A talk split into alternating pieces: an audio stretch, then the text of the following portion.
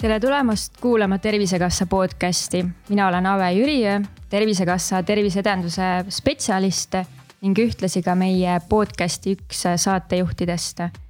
nagu nimigi ütleb, räägime selles podcastis tervisest, jagame soovitusi, kuidas tervist hoida. Samuti kuulame erinevate inimeste kogemusi ja arutame koos ekspertidega, mis on need õppetunnid, mida igaüks meist saaks siis ühest või teisest kogemusest endaga kaasa võtta.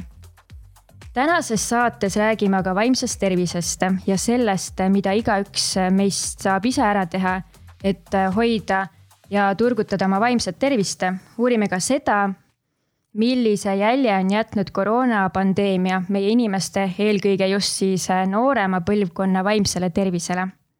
minu saatekülalisteks on täna peaasi.ee tegevjuht ja kliiniline psühholoog Anna-Kaisa Oidermaa ning Eesti Noorte Vaimse Tervise Liikumise liige ja kogemusnõustaja Karl-Erik Saks. tere tulemast saatesse, Anna-Kaisa ja Karl-Erik. tere. tere. Anna-Kaisa, ehk alustamegi kohe sinust, et räägi täpsemalt, et mis see peaasi.ee üldse on ja millega te seal tegelete? peaasi on ähm, algselt olnud küll noorte vaimse tervise portaal aga me natukene oleme ka laiendanud oma tegevust, nii et me praegu tegeleme ikkagi üldiselt Eesti inimeste vaimse tervise edendamisega ja probleemide ennetusega, varase sekkumisega ja vaimse tervise häbimärgistamisega võitlemisega. ja, ja me teeme seda erineval moel. Eh, üks asi on see, et me räägime avalikult vaimsest tervisest igal võimalusel, nii et aitäh ka siia podcast'i kutsumast, et see on jälle väga vahva võimalus. Eh, siis me teeme nõustamist eri vormis, et, et kõige sellisem laiemalt kasutatud on meil e-nõustamine, kus meie spetsialistid siis kirja teel annavad nõu erinevate vaimse tervise murede korral Äh, ja, ja siis, äh, ja siis ka teeme koolitusi päris palju mm. -hmm. Karl-Erik, sina aga oled Eesti Noorte Vaimse Tervise Liikumise liige, et millega see liikumine tegeleb? Ma arvan, et ta tegeleb suht suures osas ka tegelikult päris paljude sarnaste probleemidega nagu peaasjad, et NVTL ehk siis Eesti Noorte Vaimse Tervise Liikumine on, ma saan aru, välja kasvanud sihukese tütarorganisatsioonina peaasjadest ja peamiseks äh, nagu erinevuseks ongi see, et noh, muidugi ka noortele keskendutakse, aga enamus liikmed või noh, ütleme jah, peamiselt kõik liikmed, kes äh, midagi aktiivselt teevad, on ikkagi noored.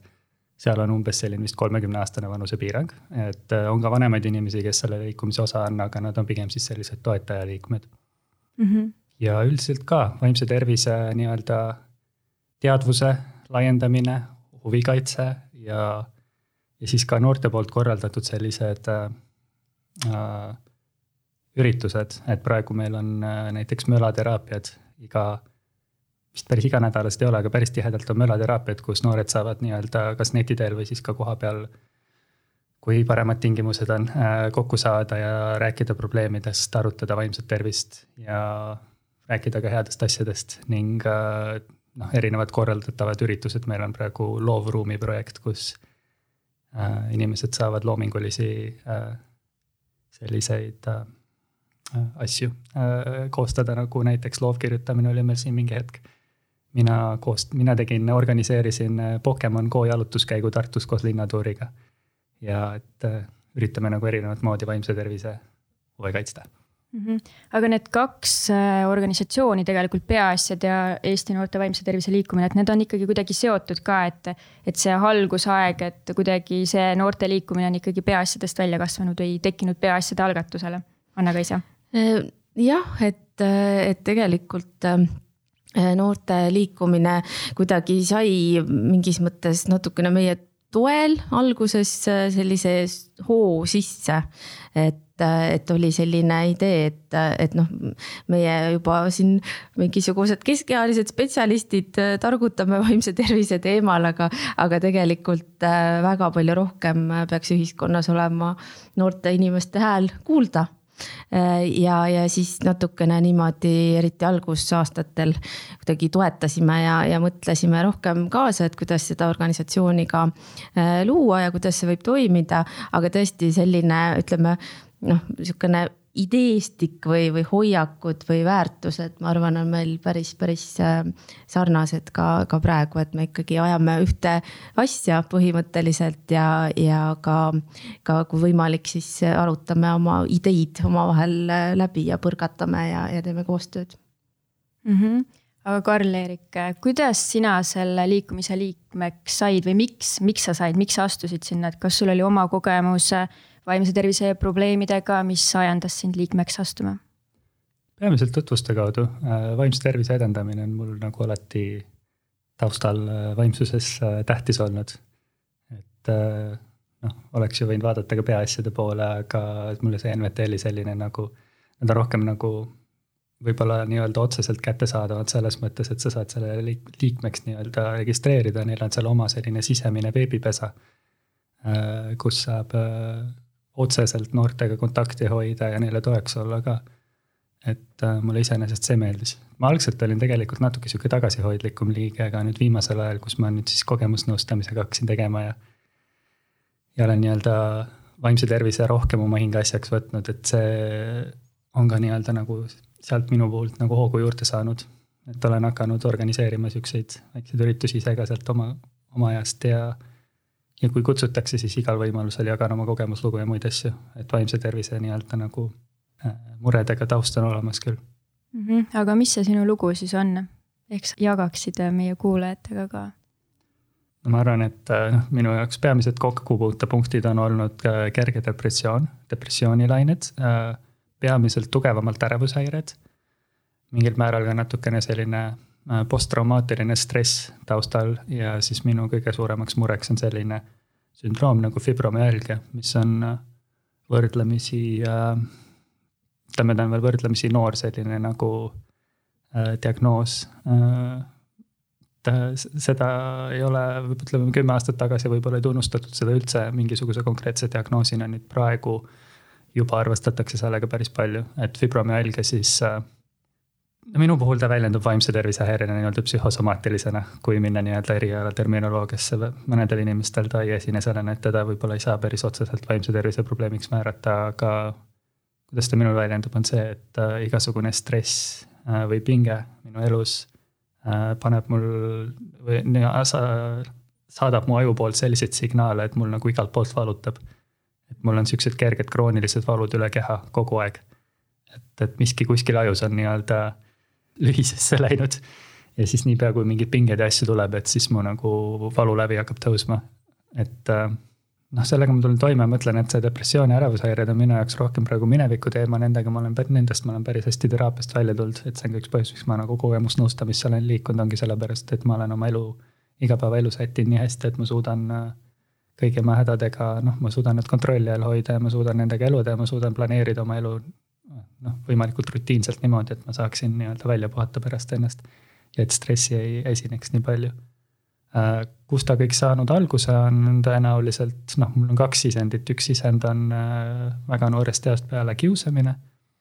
et äh, ma olen üheksakümnendate alguses sündinud, siis ei olnud nagu raha ega aega kellelgi laste jaoks, ma vanemad pidid mind panema võimalikult varakult lasteaeda ja Äh, kaheaastaselt siis, aga kuna sõimerühm oli täis, mind pandi kolmeaastaste rühma mm. -hmm. ja siis ma olin alati äh, lasteaiast saadik, koolis ka, ma olin alati aasta noorem.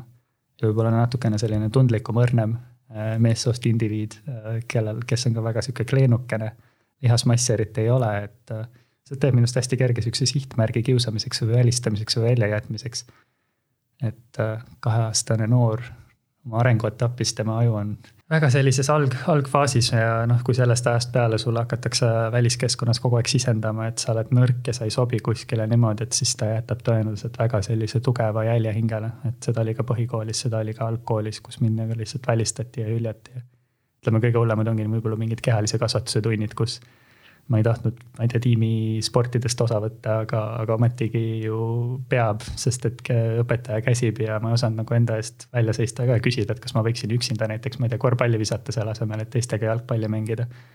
või et kas ma võiksin natuke vähem joosta, sest et ma olen aasta noorem ja ma ei jaksa võib-olla nii palju kui teised.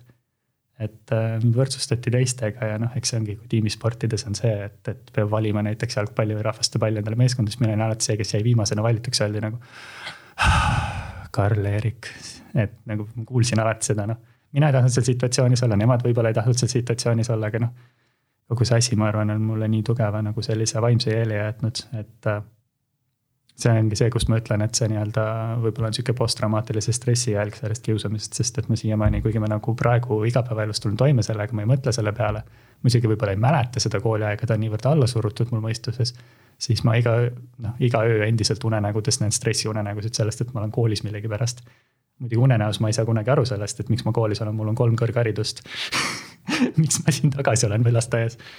aga eks ta nii juhtub, on ju ja teine sisend on siis, äh, mul oli kuueteistaastane oli õnnetus, kus ma minestasin basseinis ja siis ma olin äh, äh,. mind püüditi elustada aga pandi, kahjuks ei suudetud, siis nad panid mind üheksaks päevaks kooma ja siis ma ärkasin koomast üles ja siis mu keha niimoodi hästi vaikselt taastus sellest ka.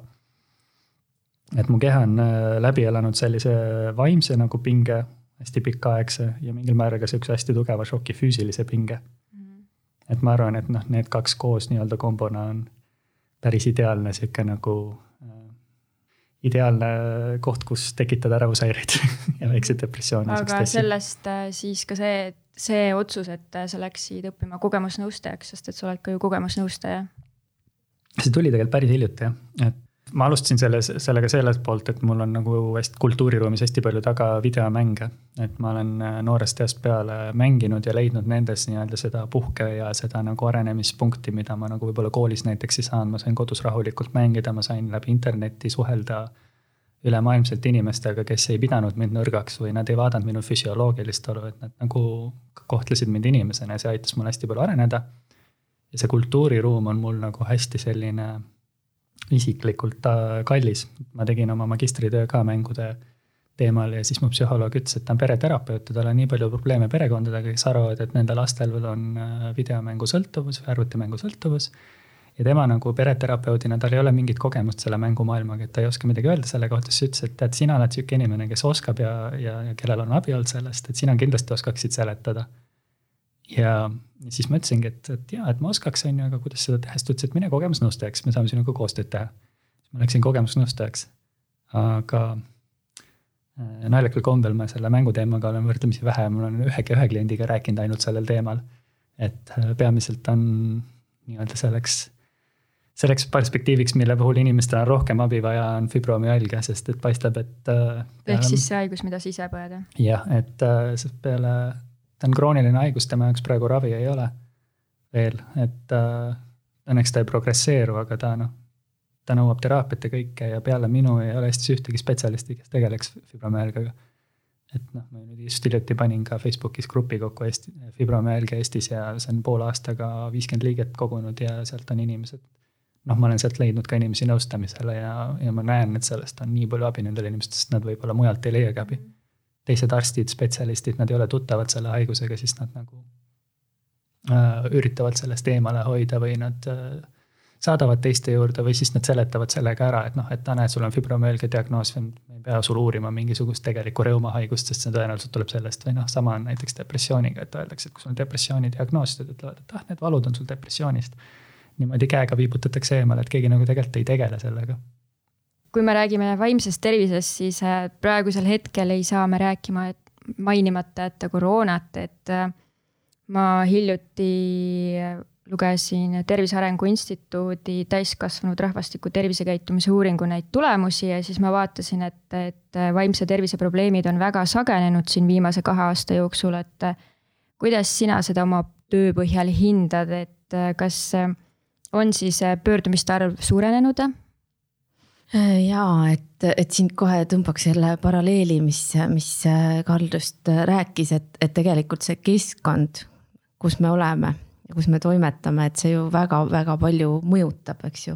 et ähm, ja, ja see viimase aasta ja pluss peale nüüd juba keskkond on ikkagi suurema osa jaoks meist olnud selline stressiv ja pingeid tekitav et väga palju selliseid äh, muutusi, väga palju ebamäärasust, hirmu, äh, ebameeldivusi otseseid ikkagi ja, ja noortel inimestel ilmselt ka rohkem on neid muudatusi olnud. Kasvõi see, et, et kuidas või millal, mis hetk sa oled koolis, mis hetk sa oled kaugõppel, kuidas see toimub, kõik see segadus, teadmatus ja pidev selline ümberhäälestumine, et, et see paratamatult ju tõstabki seda stressifooni. ja, ja tugev stress on ikkagi ju üks, üks faktor, mis vallandabki vaimse tervise raskusi Äh, nii et, et siin ei ole meil ju midagi imestada, et, et see nii ongi jah, et vaimse tervise raskusi on juurde tulnud. ja, ja see ei ole ainult ju Eestis niimoodi olnud, et see on ikkagi äh, üle maailma räägitakse sellest, et, et meil on ju veel üks kriis, mida tuleb kuskilt otsast mm -hmm. lahendada, et vaimse tervise kriis. ja noh, näiteks, mis puudutab meie e-nõustamist et siis äh, näiteks selle aasta esimesel kolmel kuul oli täpselt poole rohkem pöördumisi meie juurde kui, kui eelmise aasta esimesel kolmel kuul. Ehk siis ähm, noh, ühest küljest on ka see ju positiivne, et inimesed päriselt ju ka otsivad abi ja, ja, ja proovivad äh, lahendusi leida oma raskustele, et, et see on igal juhul ähm, pluss, et, et, et seda tehakse mm. -hmm. aga mis need peamised äh, noorte pöördumiste põhjused on olnud äh, siin koroona ajal, et kas need erinevad koroonaeelsest äh, perioodist, et äh, siis olid võib-olla need pöördumiste põhjused teised või on need ikkagi samad? No laias laastus äh, noh, sarnased mured. Ja et kõige tavalisemad ongi ju ärevusega seotud probleemid ja, ja ka siis selline depressiivsus või meeleolulangus motivatsiooni leidmise raskused, aga, aga just tuuakse välja hästi palju selliseid just selle kaugõppimisega seotud pingete kuhjumist ja, ja ka seda, et, et peresuhetega on, on nagu raskusi ja kuidagi seda, sellega on raske toime tulla. et, et neid nagu kuidagi eriti, eriti tuuakse välja, et, et kuidagi selline tunne tekib, et, et kas selline siis ongi elu või et, et niiviisi ma ei, ma ei soovi, et mu elu oleks, et, et midagi peab muutuma et aga mis puudutab lapsevanemaid, ma väga panin mind kõrvu kikitama see sinu äh, mängude teema tõstatus. Ähm, äh, et, et tegelikult lapsevanemad pöörduvad just väga palju selle murega, et, et ei saa enam last arvuti tagant ära nüüd mm. -hmm et, et noh, niigi on, eks ju, kooli ajal peab justkui olema päris palju seal arvutis. aga et on äh, päris paljudes peredes selline olukord, kus nagu üldse ei saa sealt arvuti tagant last välja, et, et umbes äh, mingisugune pekstes ja karjudes ja suure kisaga ainult saad lapse sealt ära tõmmata ja vanemad on, on siis nõutud nüüd siis ju, kui see on aasta aega kestnud see teema ja ongi, et, et mida teha, miks laps noh, ei oska käituda enam. tuletas mulle meelde nelja-aastast Karl-Eerikut, kes oli ka kümne küünega arvuti karbi küljes kinni ja siis ema ütles, et Karl-Eerik, me peame magama minema. ütles ei, ma ju armastan oma arvutit, ma ei taha magama minna seda mure ongi aga, aga ta on kas... hästi keeruline probleem tegelikult, sest et seal mm. on nagu omad need positiivsed küljed, aga väga palju ka negatiivseid külgi mm. -hmm. just, et, et, et mõnes mõttes ju mõnele lapsele see ongi olnud võib-olla selline ainus äh, stabiilne asi eks ju yeah., nende elus näiteks mingi mängu mängimine, kasvõi tõesti seal suheldes mm. tuttavate või sõpradega, et, et see on nagu kindel, millele ma saan praegusel ajal loota, on ju, mm. mis on Aga olemas. mis need soovitused siis vanematel on, kuidas nad saaksid oma lapse sealt arvuti tagant ära kommunikatsioon. jah, noh, ilmselt jah äkki sa ütled siis, sa oled kogemusnõustaja sel teemal, nii et siis saab pakku mõni mõte kohe. no minu puhul on see, et äh, kui on nagu ütleme, kui või noh, äh, kui me räägime videomängu sõltuvusest, siis minu jaoks see termin videomängu sõltuvus on natuke probleemne, sest et Äh, seda sõltuvust kiputatakse võrrel-, võrdlema nii-öelda uimasti sõltuvusega, mis ta kindlasti ei ole, et äh, ta ei jäta sihukest füsioloogilist jälgimist, jälge, mis jätab nagu uimasti sõltuvus, et noh, see tuleneb ka ühest äh, artiklist, kus üks teadlane võrdles seda dopamiini ehk siis seda keemi-, keemilist nii-öelda hormonaalset nii-öelda sihukest boost'i või sellist äh, sisendit, äh, võrdles seda kokaiini võtmisega ja siis see on see, millest nagu meedia kinni haaras, kuigi noh, ütleme, et sa saad ka toidu söömisest dopamiini laksu kätte, et see nagu äh, arvutimängu mängimisest saadav see nii-öelda dopamiini kogus ei ole kuidagi võrreldav äh, ütleme kokaiiniga näiteks.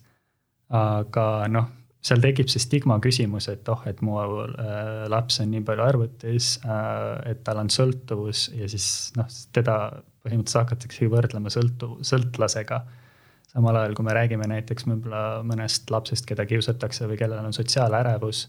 ütleme ka näiteks, ütleme autismispektri häired, kus neil on, ongi raske võib-olla igapäevaelus siukseid sõprussuhteid või äh, suhteid luua, et kui nad seal online keskkonnas leiavad endale grupi inimesi, kellega suheldes ta mingil määral võib olla nagu selline harjutusplats äh, sotsialiseerumiseks, kus ta võib-olla nende sõprade kaudu võib ka leida endale nii-öelda või noh, hakata pilte jagama, hakata nendega päriselt kokku saama ja siis ta saabki nagu kommuuni ja omad inimesed ja õpib suhtlema nii-öelda omadel tingimustel, et see võib lapse jaoks olla väga kasulik, eriti kui me räägimegi mingisugustest lastest, kellel on raskused, aga noh, see teine, see kahe otsaga mõõk, et see teine osa on seal sees, et noh, eriti kui me räägime õpiraskustest, siis neil lastel puudub võib-olla see nagu reaalsustöönel või võib puududa see nii-öelda piirikontroll, noh lastel üldiselt nad ei suuda endale määrata piire, et kui palju ma mängin ja see ongi see, kus mina näen, näen sellel nõustamisel kasu just seetõttu, et äh, esiteks, et vanematele teavitada või noh, et saada lapse käest aru, mida ta mängib ja kuidas ta mängib, esiteks, sest see on see, mida vanemad tihtipeale ei tea, et neid mänge on nii palju erinevaid, kui ta mängib näiteks mingisugust võistlusmängu, spordimängu.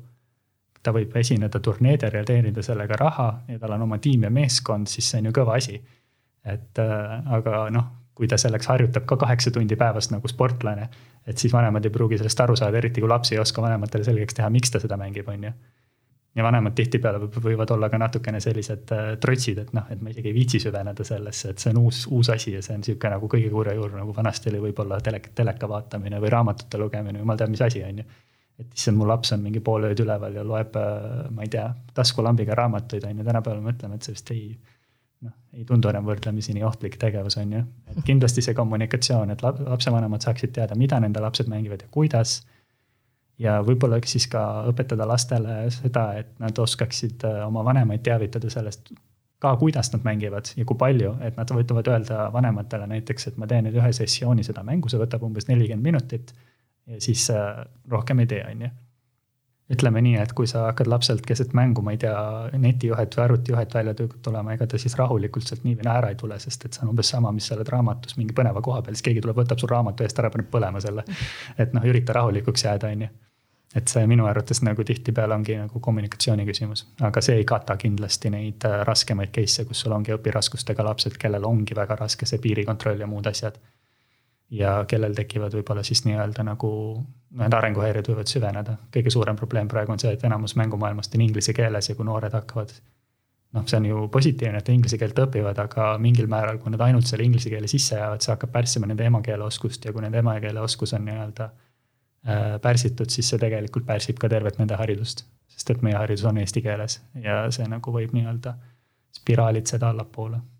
et ta on noh, ta on tegelikult hästi tundlik teema mm. -hmm. ja me üldse mm -hmm. ei propageeri siin arvutimäng, mängude mängimist, et äh, võib-olla sa räägid äh, natukene oma sellest kogemusnõustaja tööst, et äh, kas koroona ajale, kui sa mõtled nüüd koroona ajale, kas siis sinu klientide, nimetan neid klientideks patsiendid või kuidas sa neid ise nimetad, et, et kas seal oli ka märgata mingisugust koroonaärevust, et kas oli nendel, kui nad tulid sinu vastuvõtule, et oli nendel teistsuguseid probleeme seal?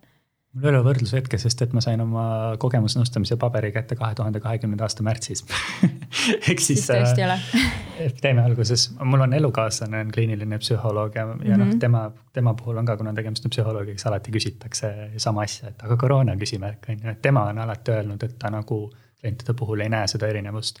et mm -hmm. probleemid ja teemad on ikka samad, noh mingil määral ikka esineb neid ärevus case'e ja siukseid asju, eriti kui sul on nagu perega rasked suhted ja sa pead nendega rohkem aega koos veetma. et noh, üks asi, mis ta näeb, on see, et, et, et järjekorrad suurenevad. ja noh, ütleme, et minu, kuna minu töö on äh, populaarsust äh, saanud, siis noh, ma ei tea, läbi interneti see käib, et minu jaoks on tegelikult mugav. ma ei pea ise noh, kuna mul on valudega raskusi, siis minu jaoks igasugune reisimine, sihuke asi on noh, suur pingutus, ma pean sellest mitu päeva välja puhkama. minu jaoks on see hästi positiivne, et ma saan läbi neti teha inimestel kõigil Zoom'id ja Skype'id ja asjad on olemas, et ma lihtsalt teen nendega, lepin aja kokku.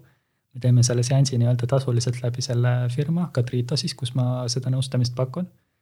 aga ma mõtlen, et see ei ole tegelikult noh, kõik selles koroonas ma mõtlengi, et ei olegi halb, et samamoodi mu elukaaslane ütleb, et ta näeb näiteks, et äh, lapsed või noored, kellel on äh, sotsiaalärevus, siis nende jaoks on näiteks kodust õppimine tõenäoliselt palju kergem läbi arvuti, kui see on näiteks klassiruumis. et mõnedele inimestele see võib isegi positiivsemalt mõjuda.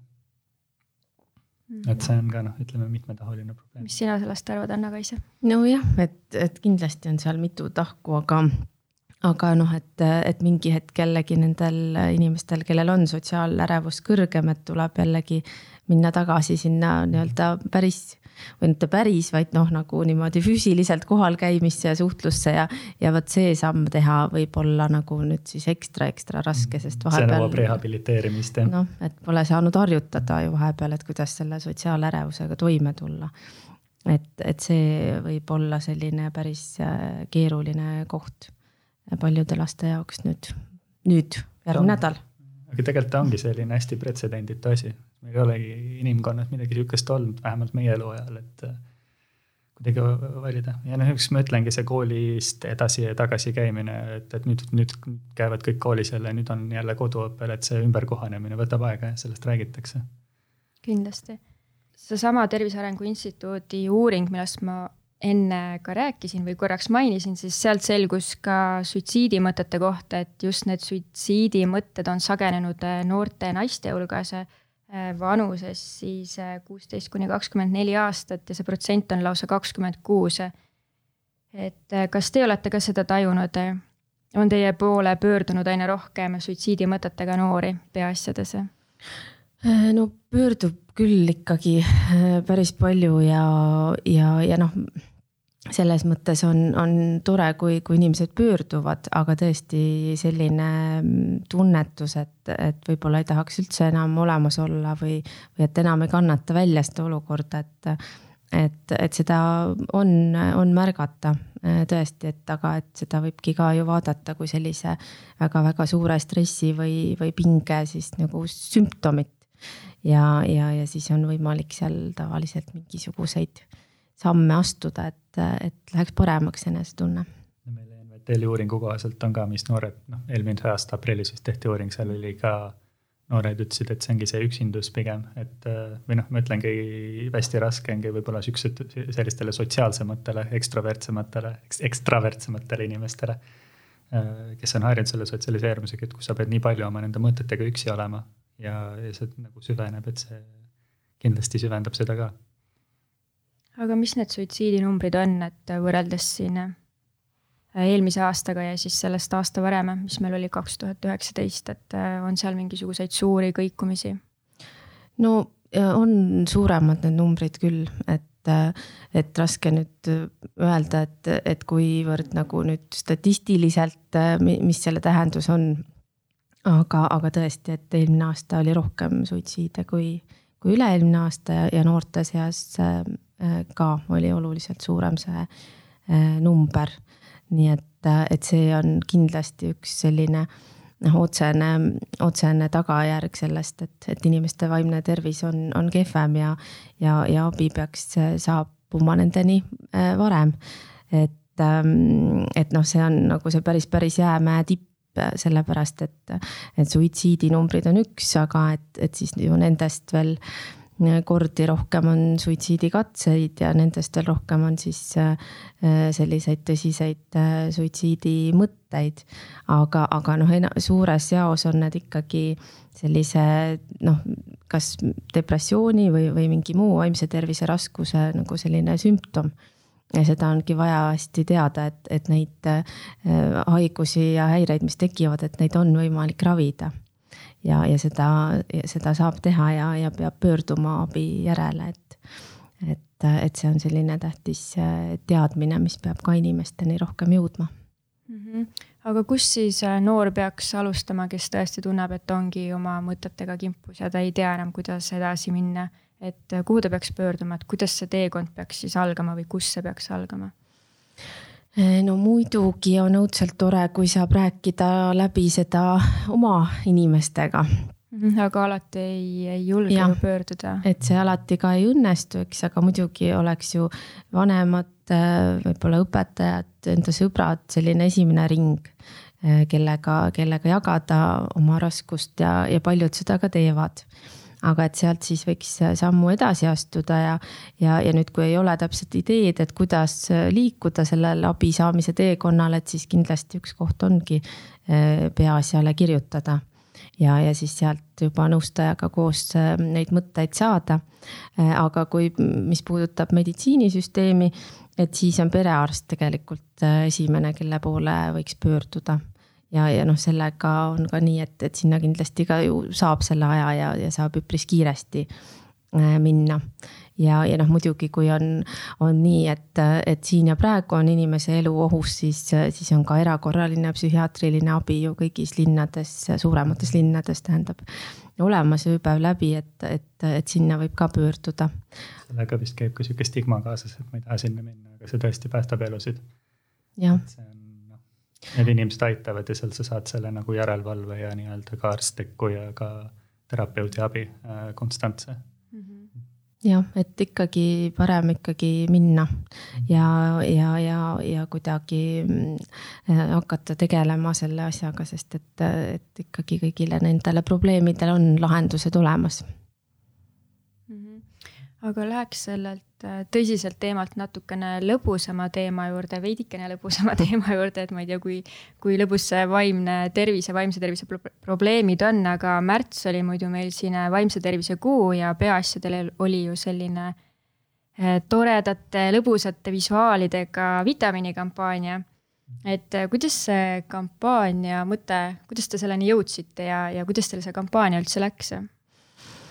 Ja et, et noh, ega meie selline soov ja mõte oligi tegelikult natukene sellises lihtsamas ja helgemas keeles rääkida vaimse tervise teemast, mis ju paljudele ikkagi praegu on kohale jõudnud, et see on oluline, et me peaksime midagi oskama teha enda heaks ja teiste heaks ja, ja kuidagi tahtsime selle, selles osas mõtteid pakkuda inimestele aga kust me selle mõtte ise saime, oli see, et, et meie Islandi partner Äh, just korraldas veebruarikuus äh, sellist kampaaniat ja, ja, ja noh, nendel oli sarnane mõte, et kuidagi tuleb raske aeg, see kevad ja, ja, ja et katsume kuidagi noh, anda inimestele mõtteid, et mida saab igaüks teha niimoodi, et, et see ei maksa raha mm. eriti või üldse mitte ja, ja mis on sisuliselt nagu jõukohane ja, ja noh, need äh, ideed või katusideed, mis me, mis me pakkusime tegelikult ühest küljest hästi nagu elementaarsed. on ju noh, iga laps teab põhimõtteliselt, ma arvan, nüüd iga laps veel päriselt ka teab seda, et eks ju, et peab liikuma piisavalt ja puhkama, magama piisavalt ja, ja peab äh, toituma äh, tasakaalustatult ja, ja peab ähm, suhteid hoidma. Äh, ja, ja samuti on väga mõistlik tekitada endale igasse päeva midagi sellist meeldivat ja toredat ja häid emotsioone kogeda. et ühest küljest need on nagu kuidagi siuksed teada-tuntud asjad, aga, aga teisalt on teada, et sellise kõrgema stressi olukorras see läheb meil lihtsalt meelest ära, et, et neid asju, need ongi nüüd need asjad, mida, mida me saame eh, teha enda heaks. ja, ja, ja siis äh, kuidagi siin Äh, koos siis äh, Tervisekassa toel ja, ja hulga partneritega siis, siis neid teemasid ähm, käsitlesimegi igast küljest, et, et pakkusime siis ähm, kõikvõimalikke nippe ja ideid ja, ja tegime selliseid inspireer-, inspireerivaid videosid ja, ja tegime ka selliseid e-külalistunde, mis, mis on praegu ka samamoodi taaskasutatavad, mida saab näiteks kooliski ette võtta. Äh, ja, ja siis selline nagu sihukene vitamiinikuuri kava täitsa kujunes meil sellest materjalist, mida saab ka korrata tegelikult. Äh, ja võtta veel, et, et, et see, ma arvan, ei peaks olema selline ühekordne asi, et vot, et nüüd ühe korra äh, liikusin nädal aega enda tervist hoidvalt, et nüüd aitab sellest. et, et see on ikkagi see, mida võibki jälle ette võtta, et aa, okei okay,, et ma võiks nagu veel võib-olla midagi lisada just, et seda vaimset tasakaalu parandada ja, ja sealt sellest materjalist ma arvan, et saab neid mõtteid küll ja sest, et tegelikult need on ju kõik sellised igapäevased asjad, et kõik see liikumine ja toitumine, et aga teil oli selle kampaania raames oli ka selline test, mille kaudu sai siis kontrollida enda vaimse tervise vitamiinide taset, et mis sellest testist välja tuli, mis te sealt leidsite, mis need tulemused olid? Mm, ja et, et noh, praegu on umbes mingisugune kakskümmend viis tuhat inimest täitnud seda Äh, testi ja see on nii eesti, vene kui ka inglise keeles olemas ja praegu ka täitsa lihtsalt leitav siis Peaasja lehelt, et võib äh, proovida. Ähm, et, et noh, sealt saiks ju igaüks nagu aru saama, et, et millega tal on juba hästi ja mida ta võiks veel teha rohkem näiteks. aga, aga noh, mis seal nagu üldstatistikast võib äh, välja tuua, et siis, siis kõige keerulisem ikkagi inimestel on olnud suhetega lood Mm, et sellist noh, sedasama üksilduse tunnet ja seda tunnet, et, et ei tea, kas on, kelle poole pöörduda, kui mul on raske või kas ma küsin abi. Ja, ja siis teisena see meeldivate emotsioonide kogemine. Äh, et, et see oli kuidagi sai seal madalamaid punkte äh, oluliselt, et, et kuidagi sellist äh, head emotsiooni on ilmselt meie eludes siis vähem olnud viimasel ajal jah, kui me siin kõik oleme pidanud kodus istuma ja, ja kõik äh, teatrid, kinod on kinni olnud ja võib-olla võib-olla on inimestel raske mm -hmm. oma perega, võib-olla pole kuhugile minna, et neid äh, emotsioone tekitada, aga, aga ma loodan, et ikkagi teil olid need toredad vestluskaardid ka ju kõik ja andsite nõuandeid, et ma loodan, et nii mõnigi leidis sealt ikkagi enda jaoks midagi, mida koos perega teha mm. -hmm. aga Karl-Erik, kuidas, kuidas sinul nende vaimse tervise vitamiinidega on, et mida sina nendest tarbid ja kuidas sina selle koroonaperioodi üle elasid? Mul on nendega päris hästi, äh, kuna ma olen oma kroonilise haigusega tegelikult pensionil kahekümne viiendast eluaastast, mis on natuke kurb, sellepärast et äh, kõrgelt haritud ja oleks tahtnud olla täisväärtuslik ühiskonna osa sellega, et teen kaheksa tundi kõrgharidusega tööd ja kõiki asju on ju ja siin ja niimoodi olla abiks, aga noh, ma kahjuks pean elama selle oma piirangutega et äh, ma arvan, et mul tegelikult nendega on hästi, et minu kõige suurem teraapia on tegelikult olnudki nende vitamiinidega koos juba eelnevalt enne seda kampaaniat ja ma nagu olen. noh, ütleme, ma olen mõlema käe ja jalaga selles kampaanias nagu pöidlalt püsti ja, ja sees ja et, sest et see on hästi universaalne, kui ma mõtlen juba fibromüalgia peale. asi, millele konkreetselt ravi ei ole ja seda on ka väga raske diagnoosida või noh, seda ei olegi võimalik diagnostiliste meetodiga testida, et see on lihtsalt inimese enesetunde pealt, et noh, ma ütlen, et mul valutab käsi, jalg, pea, kõik asjad annavad tunda, on ju. ja siis selle kõrvalt on mul veel uneraskused, sest et valude kõrvalt on raske magada, seedehäired. vahepeal on väga raske keskendusega, udu tuleb peale ja noh. kõik need asjad käivad sellega kaasas, et, et isegi kui nagu ravi puudub, siis see teraapia on suhteliselt universaalne, me peame stressist. stress nii-öelda süvendab minu puhul seda, siis ma maandan oma stressitaseme nii madalale kui võimalik, et et vaatamata sellele, et mul on kroonilised valud kogu aeg, ma liigun igapäevaselt äh, päris korralikult jalutan, sest et see on üks moodus, kuidas seda kontrolli all hoida. mulle väga meeldib, mu reumatoloog ütles, et inimene on väga halb nii-öelda multitask imises ehk siis äh, inimese aju. sest vaimse tervisega, kui sa oma tähelepanu millegagi eemale saad, siis see tegelikult on juba väga suur võit. sinna alla noh, liikumine läheb äh,, just suhtlemine, ma ütlengi, need positiivsemad emotsioonid äh,, toitumine on väga tähtis, see kindlasti mõjutab ka noh, minu enda puhul seedehäired ja kõik asjad on nagu kaasas, et ma pean hästi jälgima seda, kuidas ja mida ma söön ja, ja võimalikult mitmekesiselt ja noh, uni on minu jaoks püha. et ma magan kaksteist tundi päevas just seetõttu, et niipea kui ma natuke vähemgi magan, siis mu valud lihtsalt päris mitmeks päevaks nagu lähevad, süvenevad päris hullult. ma näen, et see on väga universaalne ka üldiste nagu vaimse tervise puhul, et igasugune vaimse tervise häire kindlasti saab sealt positiivset asja. muidugi on, seal on see nii-öelda see tüütu koht on see, et ütlen paljudel inimestel, kellel on depressiooniga probleeme, neile käib ilgelt pinda see, kui keegi tuleb, keegi, kes on nii-öelda vaimselt okei okay omadega ja ütleb, et mine õue ja naudi kakskümmend kraadi, on ju, et see läheb kindlasti paremaks, et see võib-olla nii kergesti depressiooni puhul ei käi, et seal on noh, kindlasti vaja suuremat teraapiat ja rehabilitatsiooni, võib-olla ravi äh, plaani, aga need asjad kindlasti aitavad kaasa. ongi nagu vitamiinid, need on nagu lisandid, suplemendid mm. -hmm. et ta võib-olla nagu üksi ainu ei tee asju paremaks, aga noh, kindlasti aitab kaasa. minu elukvaliteet on selle nii-öelda vitamiiniteraapiaga viimaste aastatega väga palju paremaks läinud. see on ka põhjus, miks mul on jaksu ja energiat kaugemas nõustamisega tegeleda. olen iseendaga heale jaole saanud ja nüüd ma aitangi oma kogemuse põhjal, üritan nõustada teisi inimesi, et nemad saaksid hea, heale jaole. kas ärevus ja depressioon, et kas nendel on seost pärilikkusega?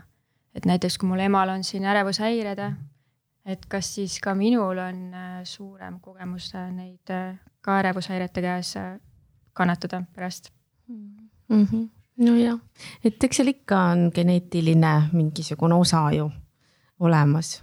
aga, ja osadel probleemidel on suurem see geeni, geenide kaal, osadel väiksem äh,. aga, aga noh, ikkagi väga-väga rõhutaks seda, et, et see on nii tähtis, et milline on selline meie keskkond, elukeskkond, kuidas ta meile sobib. ja, ja kuidas ja mis me ise teeme oma elus ja oma valikutes. et et, et siis noh, et see geeni, geeni osakaalu me tegelikult saame seal väga palju nagu maandada ja see üldse ei tähenda, et kui minu äh, vanematel, isegi mõlemal võib-olla on vaimse tervise probleemid, et minul peavad ka olema, mhm. et üldse mitte kui, kui õnnestub kuidagi niiviisi elu korraldada ja, ja üles kasvada, et, et need ei mõjuta mu elu siin on alati see baasküsimus on loodus versus kasvatus, et eks need võivad mm -hmm. tulla ka nii-öelda, nii-öelda kasvatuspärilikult, et kui sul on vanemad nii-öelda võib-olla keskmisest ärevamad, siis see nii-öelda jääb külge ka vahepeal, see ei pruugi olla geneetiline pool, vaid see võib ka olla see, et noh, sa lihtsalt lapsed loomulikult ju äh, võtavad enda omaks äh, kasvõi nii-öelda märkamatult. Ma kindlasti näen endas mingeid ärevamaid nii-öelda pooli, mis tulevad näiteks vanematelt ka. -hmm no absoluutselt, et, et võib ju inimene ollagi, ma ei tea, täiskasvanuna saada mingisuguse äh, traumeeriva kogemuse äh, ja, ja siis muutuda kuidagi väga-väga ärevaks ja siis noh, õpetadagi last, et väga paljud asjad on väga ohtlikud, näiteks õue minemine kasvõi. et, et see noh, võib ka niiviisi täiesti ju, ju tulla ja kui mõtleme selle peale, et meie vanavanemad või, või isegi noh, sealt mõni veel tagasi on üks traumeeritud põlvkond ju, kes on teise maailmasõja mhm. üle elanud. et kuidas see tegelikult meid kõiki siiamaani võib-olla on mõjutanud, et see on selline huvitav, eh, huvitav teema tegelikult, et kuidas neid äh, raskusi ja erinevaid käitumisviise nagu pärandatakse mingis mõttes põlvest põlve edasi Teil oli selle kampaania raames ka küsimustik või test organisatsioonidele, et äh, kas äh, sealt tuli ka midagi, midagi teistsugust välja, mis sellest individuaalsest testist ei tulnud, mida igaüks sai teha?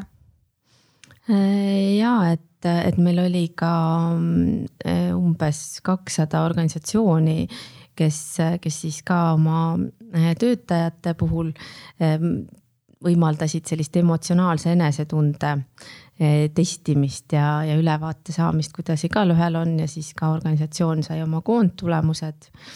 Äh, noh, sealt tuli välja niiviisi, et äh, noh, üpris sarnaselt tegelikult nagu ka muud äh, uuringud praegu on, on näidanud, et üks asi see, et, et noh, et umbes kolmandikul inimestest on mingisuguseid selliseid vaimse tervise raskustele omaseid tunnuseid, see ei tähenda diagnoosi, noh küll aga on selliseid depressioonile või ärevushäiretele omaseid tunnuseid Äh, ja, ja noh, see noh, on sarnane võib-olla ka teistes uuringutes olnud ja, ja sama, mis tuli ka meil välja sealt äh, küsitlusest, et ikkagi on niimoodi, et, äh, et mida noorem sa oled, seda rohkem sul on neid sümptomeid.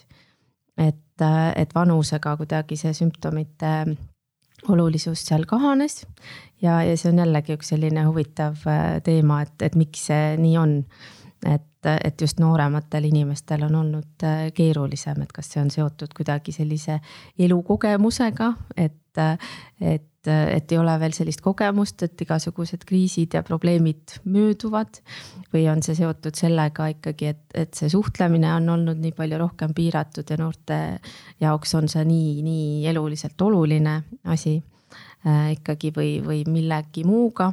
et, et, et ma loodan, et see kuskil lähiaastatel siis võib-olla tuleb mingi kindlam arvamus, et miks, miks see nii on olnud. aga igal juhul on, on selge see, et, et nooremad inimesed siis on, on saanud rohkem äh, pihta sellest kriisist. seal võibki olla see, et võib-olla vanemad inimesed, noh, nende teadlikkus sellest on võib-olla vähem või nad kannatavad ära, vaata, et see ongi see, et võib-olla nad ei kaeble nende asjade üle üks, üks point ka sellest, et see nagu noorem generatsioon on, see vaimse tervise teadlikkus on ka päris sihuke mühinal kasvanud Äh, jah, et, et see võib ka olla üks, üks aspekt muidugi. Aga, aga noh, võib-olla osade vanemate inimeste jaoks tundus, et elus väga midagi ei muutunud, aga jah, et, et ma arvan, et see on ka õige mõte, et, et just see, et nagu ka nagu märkida seda või nii-öelda kaevelda, et, et see mm. nagu võib-olla ei ole nagu niimoodi olnud lubatud varasemalt ka. Need on need, mis ütleme näiteks ütlen fibromüalgia või näiteks ka mingi migreenide või taoliste asjade puhul öeldakse, et noh, et suuremas enamuses esineb äh, naistel. et mina siin üks meessoost äh, migreenik ja ja siis äh, noh, eeldatakse, et miks ta nii väike on, see on ka võib-olla sellepärast, et mehed ei oska arsti juurde minna sellega rääkida, aga noh, ma ei tea. see on, siukseid teooriaid võib ju tegelikult päris palju teha, aga noh, seda nii-öelda kinnitada on väga raske, kui nüüd see üks pool lihtsalt ei räägi nendest asjadest kas mm -hmm. peaasja nõustamiste puhul tuleb ka välja, et näiteks tüt-, tütarlapsed pöörduvad rohkem kui noormehed või, või vastupidi? Ja, et meil on ikkagi läbi aastate niiviisi olnud, et, et umbes kakskümmend, kaheksakümmend on see äh, suhe, et, et, et väga suur enamus on ikkagi naised, kes pöörduvad, kuigi peab ütlema, et nüüd ikkagi viimasel ajal on rohkem hakanud ka mehi pöörduma meie poole mis on hästi-hästi tore, sest me teame ju, et, et samamoodi on, on meestel need raskused, aga, aga lihtsalt jällegi, et ei ole, ei ole nagu kombeks olnud või ei ole lubatud isegi võib-olla olnud äh, Kasvat, rääkida. kasvatus ja kultuur ütlevad, et mehed ei nuta ja et väliseda ei tohi ja kõik on ju. võib-olla räägime läbi selle, selle, kuhu siis äh, see noor saab pöörduda, et äh, kellele, mis vanuses noortele see nõustamine seal peaasi.ee ees mõeldud on ja ja et noh, põhimõtteliselt meil tavaliselt ikkagi hakkavad sellised tei-, teismeeast äh, need pöördumised, et, et praegu on isegi hakanud ikkagi rohkem ka üheteist, kaheteistaastaseid pöörduma, et varasemalt on pigem niimoodi alates kolmeteistkümnendast eluaastast mm. -hmm. ja noh, meie seda noor olemist võtamegi ka umbes niimoodi kolmekümnendani tegelikult eelkõige. et, et siis äh, see on nagu selline mm, nagu ealine eelistus äh, meil olnud, et, et kuidagi just noori toetada, aga muidugi meile võivad ka kirjutada kõik ju lapsevanemad või, või spetsialistid, äh, kes, kes noorte pärast muret tunnevad. Ähm, aga, aga noh, lisaks peaasja nõustamisele on olemas ju veel ka lasteabi, et, et sinna võib ka pöörduda täitsa julgelt. meil on NVTL-is on ka siis mitte küll mina, aga meil on Hedvig, kes teeb NVTL-ile kogemusnõustamist, et seal saavad ka noored äh, pöörduda tema poole, kus ta aitab neil võib-olla edaspidise abi poole saada, et äh, on meil väga palju kasu olnud seal, väga paljud inimesed kiidavad teda. ma ise teen kahjuks eras, erapraksises oma nõustamist, aga samas ma olen ka seal täitsa olemas ja aitame, et, et, et võib Emma Kuuma organisatsiooni poole pöörduda mm. -hmm. ja no. noorte liikumise puhul ka just see, see veebipesa, ma arvan, iseendast on juba tohutu suur äh, selline tugi, et, et saabki, eks ju, mingisse kogukonda kuuluda ja, ja teistega kasvõi mõtteid äh, vahetada, et, et kuule, mul on nii, kuidas teil. see stigmapiir läheb sealt ära, et nad näevad, et teised inimesed on noh, et neid ei hinnata kuidagi halvemini et sihuke turvaline keskkond. Mm. kas see veebipesa on siis äh, noorte liikumise leht või? ta on ainult liikmetele, et seal on NVTL-il on oma see nii-öelda Facebooki leht, mis on siis nii-öelda saadaval äh, igaühele, kust tulevad uudised, artiklid, siuksed muidugi ka lisaks kodulehekülg, aga liikmete enda. aga kui noor just nüüd tahabki pöörduda teie siis, äh, poole? saab kodulehelt leiab vormi, kus saab ennast registreerida liikmeks. see registreerimine on tegelikult suhteliselt kerge ja üldjoones igaüks, kes tahab, saab seal peab lihtsalt kirjutama seda, mis, mis motivatsioon või mis äh, mure põhjal või noh, miks sa tahad liituda ja siis üldiselt vaadatakse läbi see liitumisavaldus ja siis lastakse sisse ja siis. aga nõustamisele, kui noor soovib, sa just mainisid siin Edvikut, et äh, kuidas siis saab ka kuidagi läbi teie veebilehe pöörduda või? tead, ma ei ole ise uurinud seda, aga ma arvan küll ja kindlasti saab Edvikule ise kirjutada ja noh, kui ENVTL-ile kirjutada meili peale, siis see kindlasti jõuab temani mm. Ja, ja kui noh, me räägime muredest, millega mina spetsialiseerun, võib-olla see videomängu osa ja fibromüalgia, siis mulle ka kindlasti võib kirjutada karl-erik-saks.gmail.com. et äh, ma selles mõttes olen noh, kui inimestel ei ole ressursse või niimoodi läbi sellega Triitu arveldada midagi, ma kindlasti tahan ja olen nõus aitama, sest et noh, kes ikka aitab neid, on ju kui mitte ise. Aga võib-olla siis siia lõpetuseks äh, ikkagi veel mõned nõuanded, et äkki kordame üle need äh, vitamiinid, kuidas siis ikkagi turgutada seda vaimset tervist?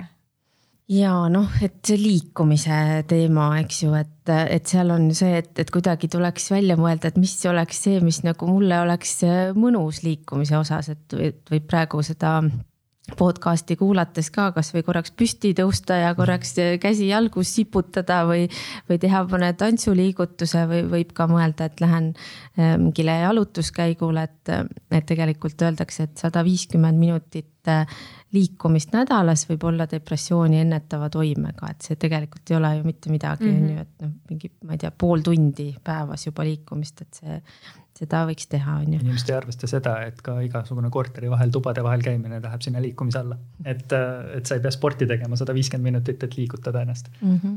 just ja võid ka teha midagi lõbusat, et mõne kukerpalli vahele visata või midagi, et, et siis läheb ka see meeldivate emotsioonide osa võib-olla sinna kohe juba äh, juurde, eks, et. et, et see kuidagi võiks olla täitsa selline kava endale kirja pandud, et mis need asjad on näiteks, mis mulle teevad meeldivat emotsiooni, et et, et kas see ongi mõni mäng või on see mõni raamat või mõni sari või on see, et ma helistan kellelegi või, või suhtlen kellegagi või, või kuulan muusikat või noh, mis iganes see on, et, et midagi ikka ju tuleb meelde, mis võiks nagu selline mõnus olla. poputada ennast millegi hea, mingi hea söögiga näiteks see läheb küll. noh, just, et midagi, midagi head. poputamine, see on ja. see, mis mina ütlen, ennast tuleb poputada mm, -hmm. eriti vaimse tervise puhul. absoluutselt jah, ja siis ongi, eks ju, see söömine, et, et kuidagi oleks mitmekesine see toitumine ja, ja et oleks ka nagu mõnus süüa teatud asju ja, ja kuidagi mm, teadvustada seda, et mida ma endale suhu panen, et, et, et see oleks kuidagi piisav ikkagi meie aju ja keha toiduks. nii on püha kolmas asi. noh, seda ja, kindlasti. magama peab, sest et, et kui sa ei maga, siis su aju ei saa välja puhata ennast. see väsimus ei aita, ei aita millelegi kaasa mm. -hmm, jah, et, et see jällegi, et see on individuaalne, kui palju inimesel und on vaja, et see on keskeltläbi kaheksa tundi öösel. Äh, aga, aga tõesti võib olla, et mõni, mõni magab kuus tundi ja on väga reibas aga mõni vajab ikkagi kaksteist tundi und ja on reibas, aga et seda tuleb ka ise nagu nagu kuidagi teadvustada, et mis see piisav ja vajalik on mulle. Mm.. aga ka see, et, et ikkagi päeva jooksul võtta mingisuguseid siukseid lõõgastumistpause endale ja, ja kuidagi niimoodi eh, nagu lasta ajul puhata ja, ja kuidagi sellist nagu midagi lõõgastavat eh, teha, et, et see on hästi tähtis ja, ja siis muidugi, mis ka võib olla üks lõõgastumise vahend, et, et näiteks mõne sõbraga koos mingit nalja teha või, või, või niisama lollitada või, või jagada mingeid, ma ei teagi, naljavideosid. et aga, et just see suhtlemise pool, et, et kuidagi sellele ka teadlikult võtta, võtta aega ja, ja mõeldagi seda, et kuidas ma saan just selliseid positiivseid suhtlusolukordi oma, oma ellu juurde saate lõpetuseks tahaksin äh, tegelikult jagada ühte uudist äh, ja ühtlasi kutsuda meie kuulajaid muuseumisse, sest nüüd on meil selleks ju kõigil jälle võimaluse ja täpsemalt kutsuksin siis külastama Tervisemuuseumit, vana nimega Tervishoiumuuseumit, kus äsja avati üks uus näitus, mis samuti räägib vaimsest tervisest ja kannab nime Palju õnne. nii et olete kõik oodatud muuseumisse. ja suur tänu teile Anna-Kaisa, Karl-Erik, et tulite meie saatesse ja jagasite oma kogemusi ja teadmisi. ja ma olen kindel, et piirangute leevendamine ja see kevadine soojus ja kõik see looduse tärkamine ja peagi saabuv suvi leevendab veidikenegi meie inimeste koroonaväsimust. ning ärge unustage tarbida viit vaimse tervise vitamiini, millest siin tänases saates ka rääkisime ja kes tahab rohkem viie vitamiini kohta teada, siis minge külastage peaasi.ee. soovin kõigile kuulajatele ilusat kevadet ja uute kohtumisteni